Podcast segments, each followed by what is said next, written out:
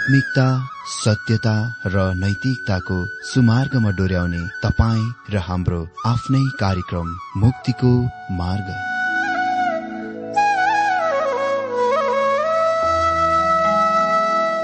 आदरणीय श्रोता यस मुक्तिको मार्ग कार्यक्रममा हार्दिक स्वागत छ।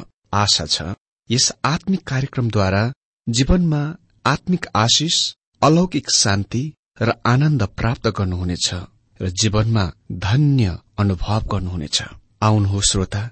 मन र आत्माको तयारीको लागि यो मिठो अनि मधुर भजन गीत सुनौ।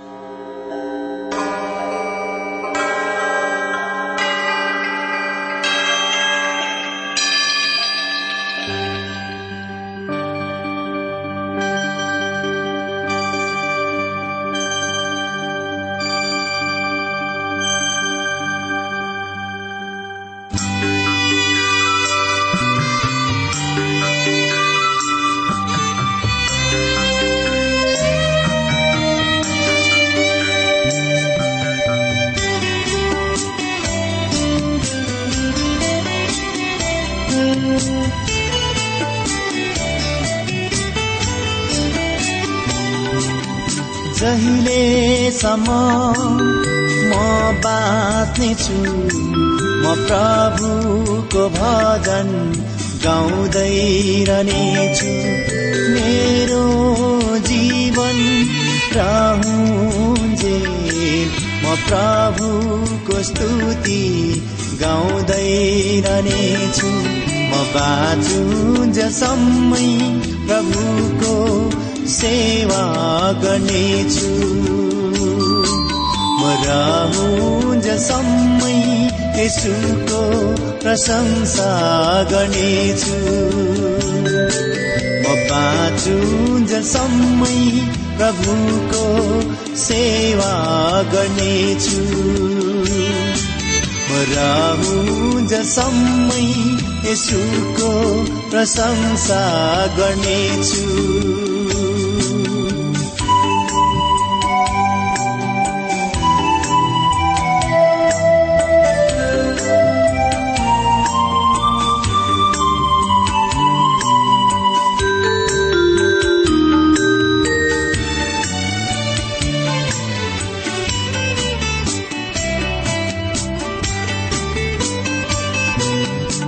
आफ्नो निम्ति कहिले म बाँच्दिन?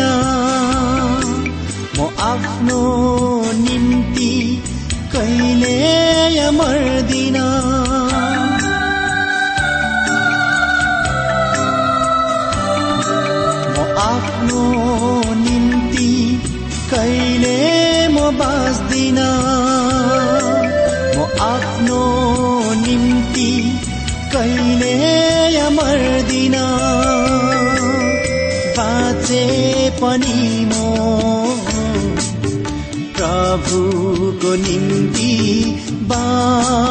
बाँच्दछु मरे पनि म।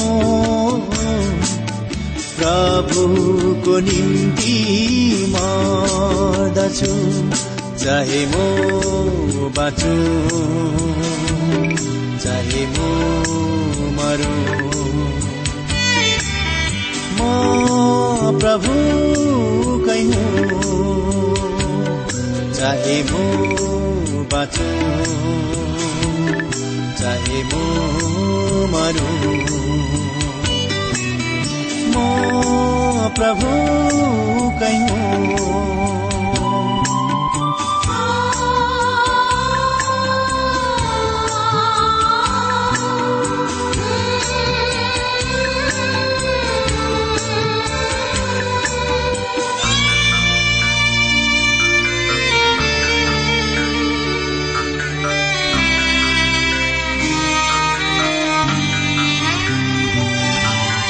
पनि मेरो निम्ति मनुभो।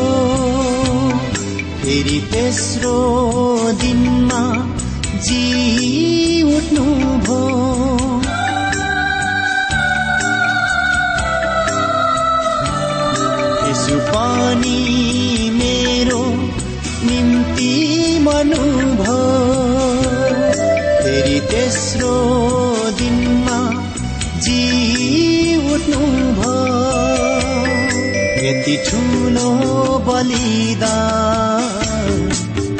दिने अरूको छ र यति धेरै प्रेम गर्ने मेरो अरूको छ र चाहे म बाँचु चाहे म मरो। म प्रभु कै हो। चाहे म बाँचु। चाहे म मरु। म प्रभु कै हो। जहिलेसम्म म बाँच्नेछु म प्रभुको भजन गाउँदै रहनेछु। मेरो जीवन प्रहुन्जे म प्रभुको स्तुति गाउँदै रहनेछु। म बाँचुन्जेसम्मै प्रभुको सेवा गर्नेछु। म रहन्जेसम्मै यसुको प्रशंसा गर्नेछु। म बाँचु जसम्मै प्रभुको सेवा गर्नेछु। म रहु जसम्मै यसुको प्रशंसा गर्नेछु।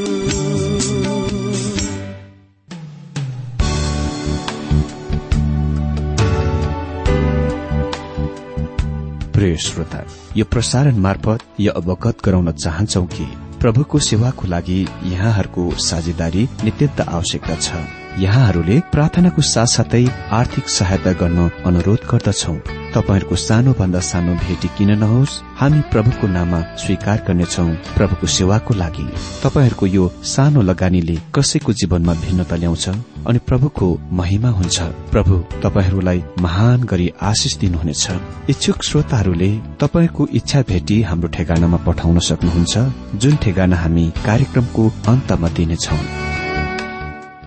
प्रिय श्रोता मित्र प्रभु येशु ख्रिष्टको मधुर अनि सामर्थ्य नाममा मेरो जयमसी साथै हार्दिक स्वागत छ आजको यो बाइबल अध्ययन कार्यक्रममा।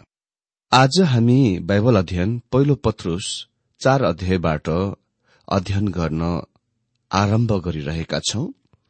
यहाँहरूलाई याद दिलाउन चाहन्छु कि हामी यस चार अध्यायबाट तीन दिन लगातार बाइबल अध्ययन गर्नेछौ।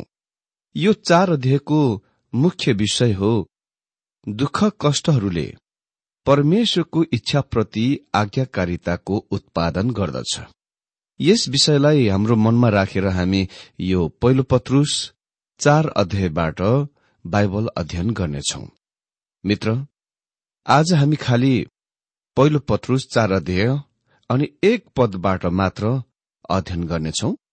हजुर शास्त्रको यो अनुच्छेदमा पत्रुसले यो अति नै धेरै स्पष्ट पार्दछन् कि जब जीवन सकुशल आराम र ठिकठाकमा हुन्छ मनको यो स्थितिमा भकी जाने कुराको खतरा हुन्छ। जुनले जीवनका हरेक आशिषहरू हामी आफैद्वारा हाम्रो आफ्नै योजना काम र परिश्रमद्वारा हो भने मनोवृत्तिको ग्रहण गर्दछ। हामी त्यस्तो स्थानमा आउँछौ जहाँ हामी जीवनको महत्व वा मूल्य दिँदैनौ जस्तो कि हामीले दिनु पर्दछ ख्रिस्टियन विश्वासीको रूपमा तपाईँ आफ्नो जीवनमाथि कुन महत्व वा मूल्य राख्नुहुन्छ? परमेश्वरले आफ्ना सन्तानहरूलाई दुःख कष्टमा पर्न अनुमति दिनुहुन्छ ताकि हामी पापको त्याग्न सकौं। र उहाँले हामीलाई जीवनको उचित महत्व र मूल्य दिन सकोस्। आज म धेरै जवान मानिसहरूद्वारा वा मानिसहरूका कुरा सुन्छु जसले भन्छ आफ्नो जीवनको लागि नयाँ दिशा निर्देशन पाउनको लागि तिनीहरूले फल्ना फल्ना कुरा गरे। म तपाईँलाई भनौँ दुःख कष्टहरूले तपाईँलाई जीवनको नयाँ दिशा दिनेछ। दाउदले यसको पत्ता लगाए र भजन संग्रह छैसठी अध्यायको दश पदमा लेखे किनकि हे परमेश्वर तपाईँले हामीलाई जाँच्नु भएको छ। चाँदी खारेको जस्तै तपाईँले हामीलाई खानु भएको छ। परमेश्वरले हामीलाई जाँचमा हाल्नुहुन्छ ताकि यसले हामीलाई उहाँ कहाँ खिच्न सकोस् र जीवनको लागि नयाँ दिशा र मोड दिन सकोस्। त्यही नै दुःख कष्टको उद्देश्य हो। पहिलो पत्रुस चार अध्यायको एक पद। यस प्रकार लेखिएको छ जसरी ख्रिस्टले शरीरमा दुःख भोग्नुभयो त्यसरी नै तिमीहरूले पनि त्यही किसिमको विचार धारणा गर किनभने जसले शरीरमा दुःख भोगेको छ त्यसले पाप गर्न छोडेको हुन्छ। मैले यो कुराको स्वीकार गर्नै पर्दछ कि केही समय पहिले मात्र यो पदको नयाँ अन्तर्दृष्टि पाएको छु। निकै वर्षसम्म यस पदले मलाई धेरै शान्ति गरेको थियो मेरो शान्तिलाई खलबल गरेको थियो अलिकति डिस्टर्ब गरेको थियो। यस पदको सम्बन्धको मेरो सिकाउने कुरामा त्यति धेरै यसको विवरणमा गइन। अनि अरू टिप्पणीकारहरू पनि यसरी नै अधिक वा कम तिनीहरू विवरणमा गएको देख्दिन। म विश्वास गर्दछु कि परमेश्वरको आत्माले हामीलाई त्यो समझ दिन हुनेछ जुनले यो पदको हामीलाई बुझ्न मदतगार बनाउँदछ। यस कारणले हामीलाई पछाडितिर लाँदछ। म विश्वास गर्दछु यसले पहिलो पत्रुस तीन अध्यायको अठार पदको संकेत गर्दछ जहाँ लेखिएको छ किनकि हामीलाई परमेश्वरका पुर्याउनलाई ख्रिस्टले पनि धर्मीले अधर्मीहरूका निम्ति पापहरूको लागि एकपल्ट दुःख भोग्नुभयो र शरीरमा मारिनुभयो तर आत्माद्वारा जीवित पारिनुभयो। यी दुई पदहरू एकसाथमा जाँदछन् अनि यो फेरि याद दिलाउने कुरा हो कि उहाँको मानव शरीरमा ख्रिस्टले केवल कष्ट दर्दको मात्र सहनु भएन तर उहाँलाई वास्तवमा शरीरमा मारिएको थियो। मैले धेरै साल पहिले एउटा पुस्तक हाम्रो कलेजको लाइब्रेरीमा पुस्तकालयमा पढिरहेको थिएँ जुनको शीर्षक थियो परमेश्वर मरेको छ। मित्र परमेश्वर कहिले पनि मर्नु भएको छैन। मर्नु भएन उहाँ आज मरेको हुनुहुन्न। अर्थ के उहाँ आज बिरामी पनि हुनुभएको छैन। ख्रिष्ट आफ्नो मानव शरीरमा मर्नुभयो जुन दुई हजार वर्ष पहिले बेतलेममा धारण गर्नुभएको थियो। हिब्रूको लेखकले यसलाई यसरी राख्छन् उहाँ हामी जस्तै हरेक कुरामा परीक्षित हुनुभयो। उहाँ जान्नुहुन्थ्यो कि दुःख कष्ट भनेको के हो? उहाँ जान्नुहुन्थ्यो कि दर्द पीड़ा र आँसु के हो? उहाँ जान्नुहुन्थ्यो कि भग्न हृदय के हो?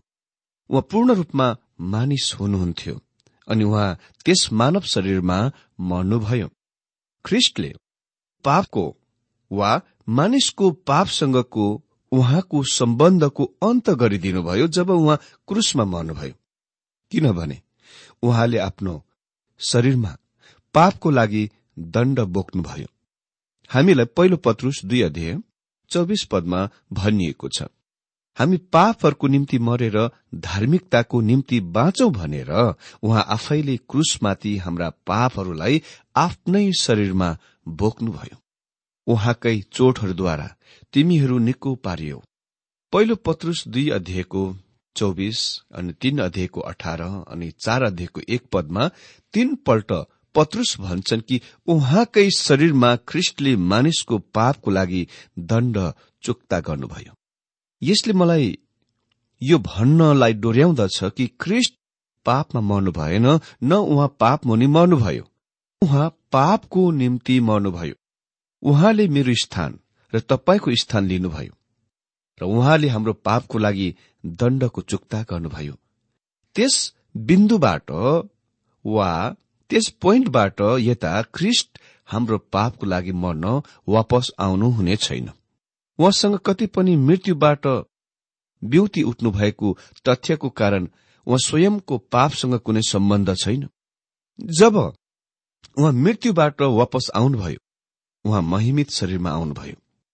पहिलो पत्रुस तीन अध्यय अठार पद अनुसार उहाँलाई आत्माद्वारा जीवित पारिनुभयो।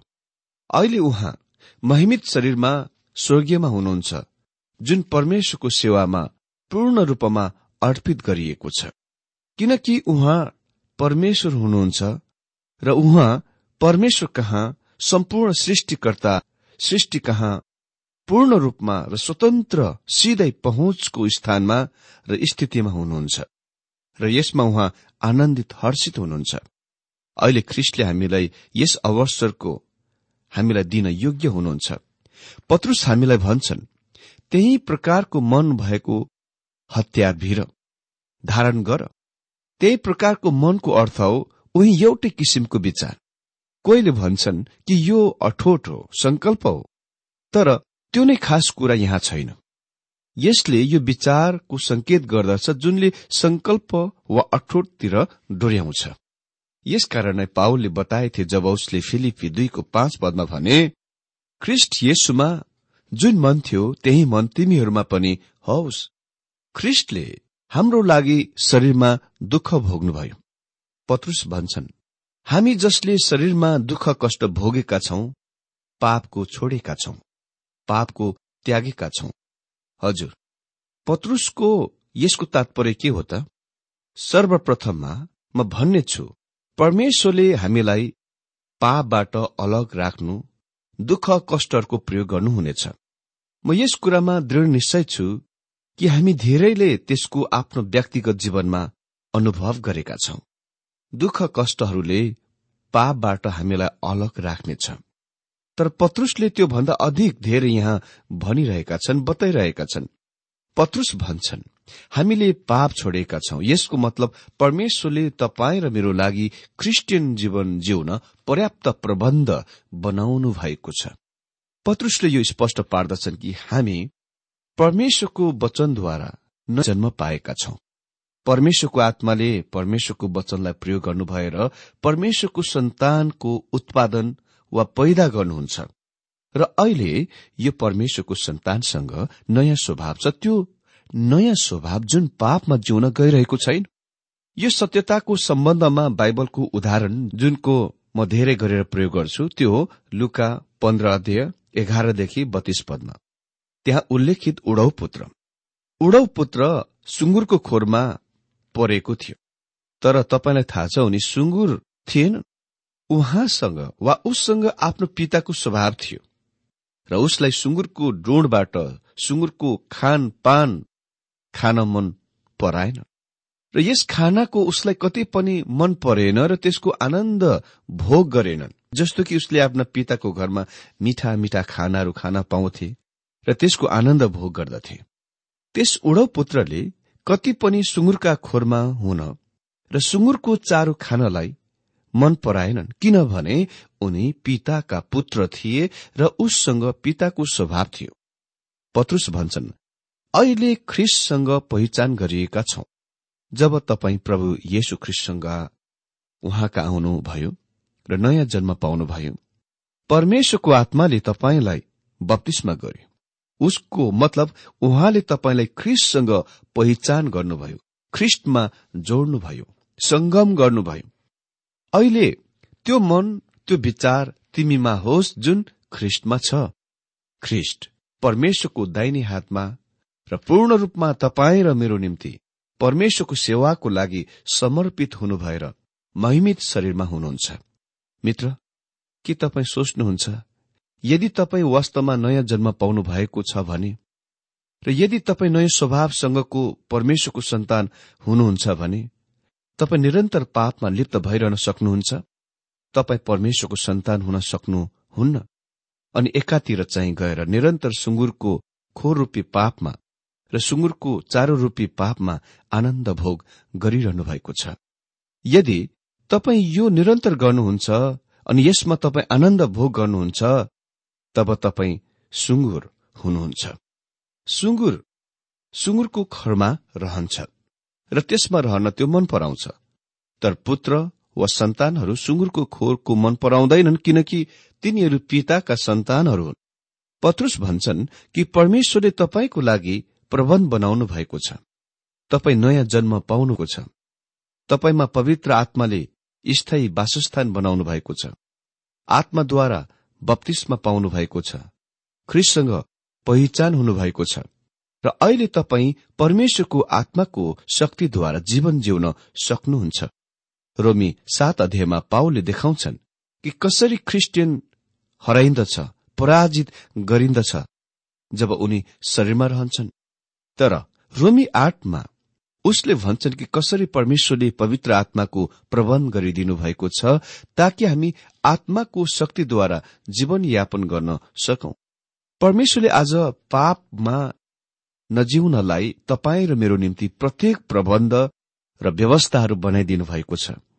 हाम्रो लागि पापमा निरन्तर जिउन बिल्कुल असम्भव कुरा छ। हजुर पुत्र सुँगुरको खोरमा केही समयसम्म पर्न सक्छ र त्यहाँ रहन सक्छ। तर युरामा तपाईँ निश्चित हुन सक्नुहुन्छ कि उनी सधैँको लागि सुँगुरको खोरमा रहँदैनन्।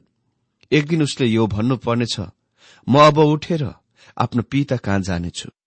मित्र यदि आज तपाईँ पापमा जिरहनु भएको छ भने र तपाईँ यसमा बिल्कुल आरामदायक अवस्थामा हुनुहुन्छ भने म निश्चय नै तपाईँको उद्धारको बारेमा प्रश्न खड़ा गर्दछु। कसैले यो प्रश्न सोध्ला के विश्वासीले त्यो फल्ना फल्ना कुरा गर्न सक्छ? उसले त्यो एकपल्ट सायद गर्न सक्ला तर यदि ऊ निरन्तर पापमा रहिरहन्छ भने त्यहाँ मौलिक रूपमा निश्चय नै केही गडबड छ। नयाँ स्वभावको परमेश्वरको सन्तानले प्रभुलाई प्रत्येक कुराहरूमा खुसित्व ल्याउन चाहन्छ। यही नै कारण म विश्वास गर्दछु पूरा बाइबल वा परमेश्वरको वचनको अध्ययन गर्न अति नै आवश्यक छ। तपाईँलाई पूर्ण परमेश्वरको वचनको आवश्यक छ। केही पदहरू यताबाट अनि केही पदहरू अर्को पुस्तकबाट कुखुराहरूले चारो यता उताबाट एक एक गरी टिपेर टिपे झैं अनि केही खाना साना व्यवस्था सम्बन्धीका प्रणालीहरू बनाएर ख्रिस्टियन जीवन जिउन सक्नुहुन्न। तपाईँ यी नियमहरू वा व्यवस्थाहरूका मानेर ख्रिस्टियन जीवन जिउन सक्नुहुन्न। तपाईँ क्रिस्चियन जीवन तब मात्र जिउन सक्नुहुन्छ त्यो हो तपाईँले ख्रिस्टको मन पाएर। परमेश्वरलाई खुसी पार्न काम गर्ने वा चाल चल्ने तपाईँमा परमेश्वरको आत्मा पाएर अनि ती कुराहरूबाट हरेक कुराबाट हटेर जुनले उहाँका अनादर र अपमान ल्याउन यसले मात्र परमेश्वरलाई हामी खुसी पार्न सक्छौ। यदि हामी ख्रिस्टियन जीवन जिउन चाहन्छौ भने यी कुराहरू गर्न आवश्यक छ। मित्र आज हामीले देख्यौं दुःख कष्टले परमेश्वरको इच्छाप्रति आज्ञाकारिताको उत्पादन गर्दछ अनि हामी यही विषयलाई अर्को दिनमा निरन्तर अध्ययन गर्नेछौ। परमेश्वरले धेरै धेरै आशिष दिनुभएको होस्।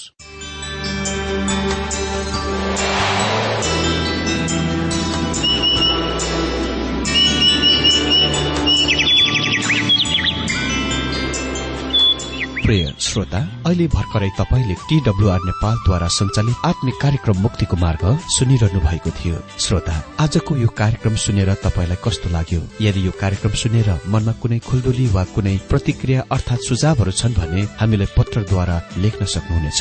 हामी हृदयदेखि नै स्वागत गर्नेछौ स्वीकार गर्नेछौ साथै बाइबल सम्बन्धित प्रचारहरू कार्यक्रम सारणीहरू हामी अनुरोधमा पठाउन सक्छौ। अनि तपाईँसँग कुनै प्रार्थनाको विषय छन् भने हामीले तपाईँको लागि प्रार्थना गरेको चाहनुहुन्छ। चाहनुहुन्छ भने प्रभुमा आफ्नै परिवार सम्झेर हामीलाई पत्रमा लेख्न सक्नुहुनेछ। तपाईँको लागि हामी प्रभु येशुसँग प्रार्थना गर्नेछौ। अधिक जानकारी र पत्रचारको लागि हाम्रो ठेगाना यस प्रकार छ। कार्यक्रम मुक्तिको मार्ग जीपीओ नम्बर उनानब्बे पचहत्तर इपिसी पच्चिस एकसठी काठमाडौँ। ठेगाना एकपल्ट सुन्नुहोला। कार्यक्रम मुक्तिको मार्ग जीपीओ नम्बर उनानब्बे पचहत्तर इपिसी पच्चिस एकसठी काठमाडौँ। हाम्रो इमेल एड्रेस हो TWR Nepal at Yahoo dot com. साथै यस नम्बरमा एसएमएस गर्न सक्नु सक्नुहुनेछ।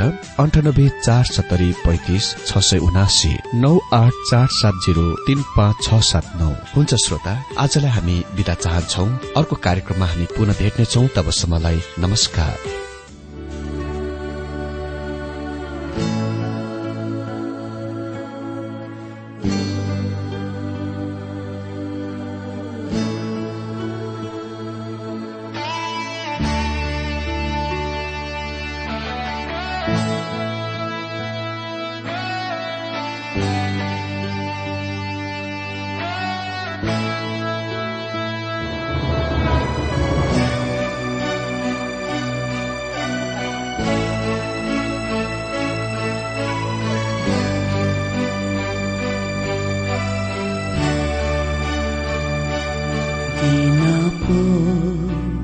के सक्छु र प्रभु छोटो जीवन बाहे। भन्न पो के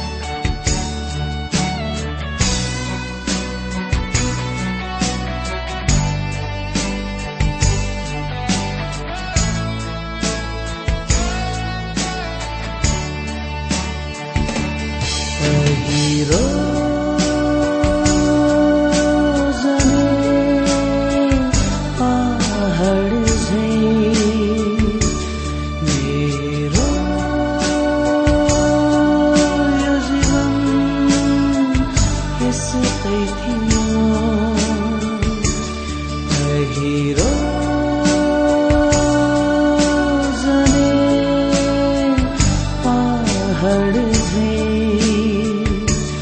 मेरो जीवन केसुकै थियो? सजाइदियो प्रभु तपाईँले हरियाली बनाई इस जीवन।